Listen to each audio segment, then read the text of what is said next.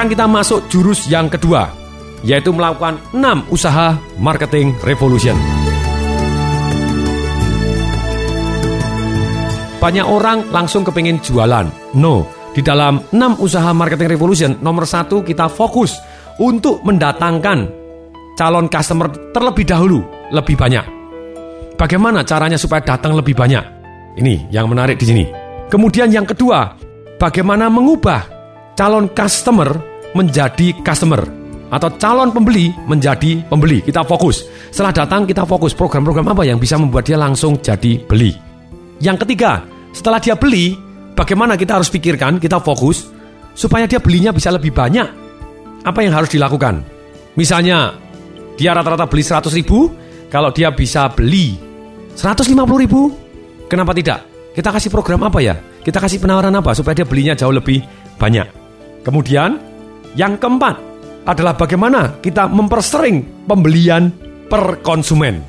Maksudnya, kalau dia biasanya sebulan beli sekali, kasih program apa ya supaya dia sebulan beli dua kali atau sebulan beli lima kali bahkan. Kemudian yang kelima, bagaimana memperbanyak konsumen memberi referensi. Jadi word of mouth, jadi dia ngomong entah karena kelebihan dari produk kita ataupun karena keanehan dari produk dan jasa kita sehingga, orang banyak ngomong ke mana-mana.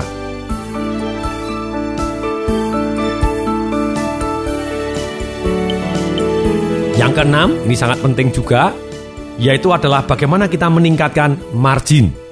Kalau kita jago meningkatkan margin, sebetulnya jurusnya cuma dua, yaitu mengurangi biaya serta meningkatkan pendapatan. Dengan demikian, marginnya akan jauh lebih besar.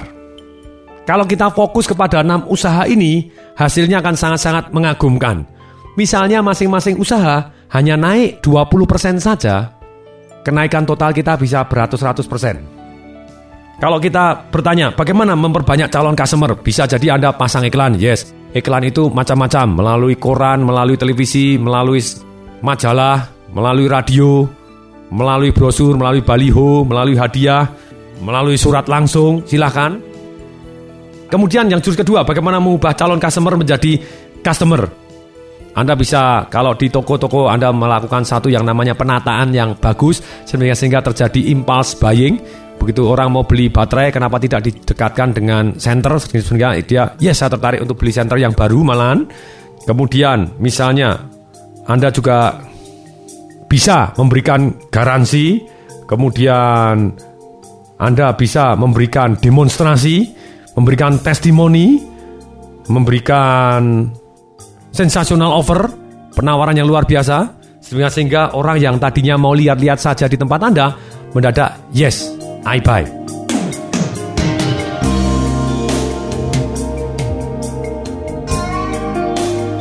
Mengubah calon konsumen menjadi konsumen ini juga bisa dilakukan dengan cara Anda menerima segala jenis pembayaran. Karena dengan Anda terima kartu kredit, orang yang tidak bawa cash mendadak, yes saya bisa beli. Kemudian, untuk memperbesar pembelian per konsumen, Anda bisa menaikkan harga.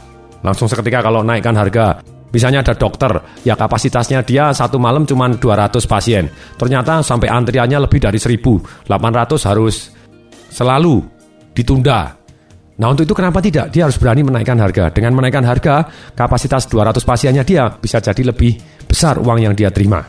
Kemudian upsell, yaitu supaya dia belinya kita tawarkan versi yang lebih. Kemudian juga bisa cross sell, kita jualin aksesorisnya dia, sehingga sehingga dia belinya lebih banyak per konsumennya.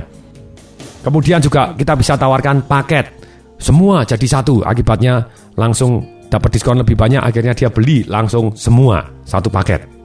Kemudian memberikan checklist. Misalnya ada perlengkapan bayi. Biasanya orang cuma cari, oh kapas, cari popok, cari apa. Kita tanya, Pak bayinya umur berapa, laki atau perempuan? Misalnya, oh laki umur 8 bulan. Langsung kita, Pak ini ada checklist Pak untuk umur 6 sampai umur 12 bulan. Checklistnya macam-macam, ada gunting, ada alat uh, untuk termometer, untuk alat penurun panas, semuanya jadi detail sekali akibatnya. Oke saya beli semua sekalian dikasih checklist begitu ya.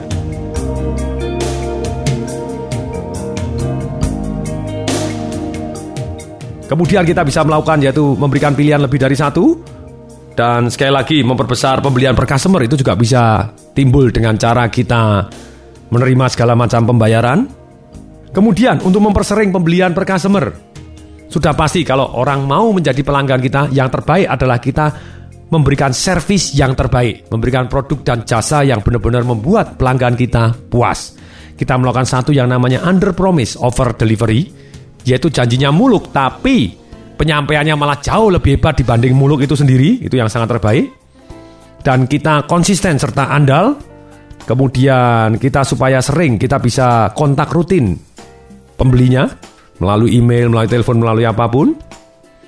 Kemudian mempersering kita bisa memberikan surat lagi bahwa ada terbitan yang baru, produk yang baru.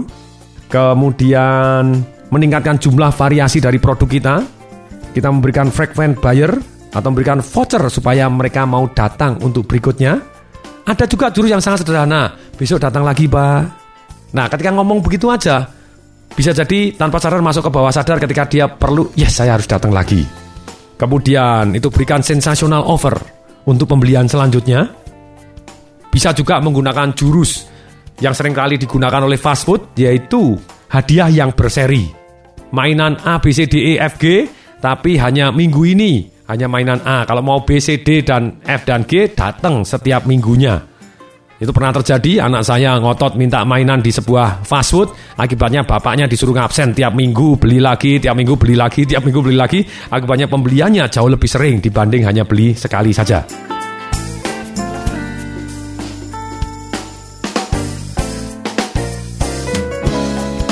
Kemudian, bagaimana kita memperbanyak konsumen yang mau memberikan referensi? Tidak ada yang lebih baik dari konsumen yang ekstasi atau puas, sangat-sangat puas. Dengan puas dia dengan senang hati tanpa diminta memberikan referensi secara tulus. Dan tidak ada yang lebih indah dari referensi yang tulus karena pelanggan kita atau pembeli kita sangat-sangat puas. Itu satu jurus. Kemudian yang jurus kedua kita bisa menggunakan jurus-jurus referral yaitu misalnya beli dua dapat satu gratis agar mereka mengajak dua orang berikutnya. Atau beli satu, satu yang berikutnya gratis, atau beli satu boleh datang dua, akibatnya dia ngajak orang lagi. Ataupun Anda bisa memberikan paket, misalnya orang beli properti kemudian Pak, kalau Anda mau memberikan referensi, cicilan Bapak yang terakhir gratis. Satu referensi mau, cicilan satu gratis. Misalnya cicilannya 15 bulan atau cicilannya 25 bulan terserah, tapi cicilannya bisa langsung dipotong Pak, yang belakang tidak perlu diangsur. Kalau 10 Pak, berarti 10 bulan tidak perlu ngangsur. Itu juga bisa dibuatkan program seperti itu. Ataupun kita minta dengan sengaja. Pada waktu customer sudah beli, kita minta, Pak kira-kira ada orang lain yang perlu dengan cara diminta begitu. Kemungkinannya dia memberi referensi jauh lebih banyak Kemudian berikutnya ada jurus yaitu membuat produk dan jasa kita ada sesuatu hal yang aneh atau unik sehingga orang membicarakan produk dan jasa kita tanpa sadar. Misalnya ada pompa bensin pada waktu itu saya pernah ngasih seminar di daerah Pompa bensinnya terletak di pinggir kota dan sepi karena kotanya termasuk kota tidak besar atau kota kabupaten kecil Namun pompa bensin ini sangat kreatif dan dia memelihara ikan hiu Padahal tempatnya jauh dari laut, dia memelihara ikan hiu. Ikan hiu yang tidak begitu besar, cukup kecil. Ada kura-kuranya, ada ikannya, ikan laut. Dia buat kolam yang cukup besar dan dia di situ ada restoran.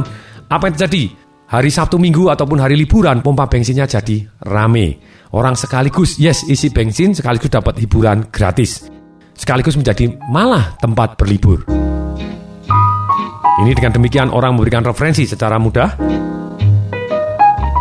Berikutnya, Bagaimana meningkatkan margin? Kalau meningkatkan margin, jurusnya sederhana saja. Kalau memang kapasitasnya sudah rame, Anda meningkatkan harga, itu berarti marginnya langsung bertambah. Kemudian, menurunkan semua biaya minimal 10%. Anda cek semua biaya, biaya listrik harus turun 10%, biaya telepon harus turun 10%, biaya semua harus turun 10%. Untuk meningkatkan margin, Anda juga bisa melakukan yaitu menjual yang berkualitas kemudian membuat merek sendiri, kemudian membentuk sales team yang berdasarkan komisi saja. Cara yang terbaik untuk tahu margin Anda dan bagaimana meningkatkan margin, Anda harus tahu persis berapa biaya Anda. Kemudian Anda kaitkan produktivitas dengan penghasilan. Semakin omsetnya besar, baru penghasilannya semakin besar, bukan gajinya yang besar.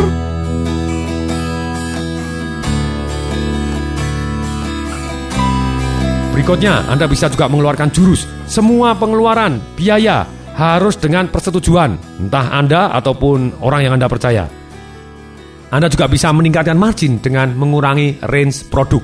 Kalau produk Anda banyak pada lakunya jarang, Anda bisa fokus kepada produk-produk yang betul-betul laku dan marginnya bagus. Kemudian Anda bisa melakukan stok berdasarkan konsinyasi, bisa menjual hanya yang fast moving saja, bisa melakukan pembelian dalam jumlah besar sehingga mendapatkan diskon yang lebih banyak, termasuk kantor Anda, Anda bisa hemat dengan cara berkantor di rumah ataupun di garasi Anda. Anda juga bisa melakukan join beli dengan sesama pembelian semua toko rame-rame bareng beli. Itu ada apotek yang melakukan hal yang sama. Dia beli dari pedagang besar farmasi.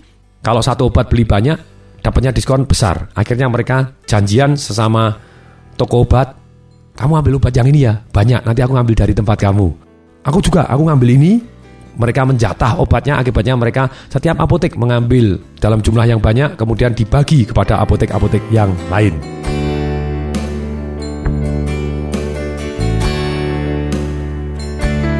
Anda juga bisa bayar cash. Anda ngomong kalau sudah deal, kalau saya bayar cash diskon berapa? Akibatnya marginnya jadi naik.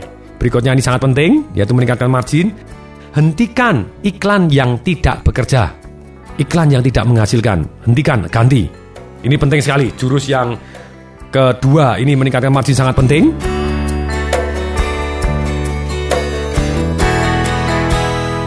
Berikutnya, sekarang kita melakukan yaitu jurus ketiga, yang selalu sudah dibahas mulai dari CD pertama, CD kedua, CD ketiga, CD keempat, CD kelima selalu kita bahas yaitu semua tindakan harus terukur dan tes yang terkecil lebih dahulu.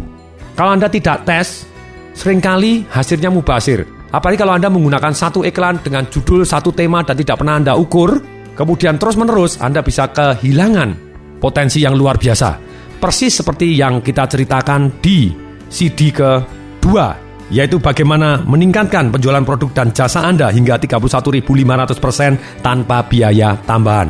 Di sana dibahas kalau Anda tidak pernah melakukan tes dan ukur, betapa banyaknya biaya yang terbuang begitu saja.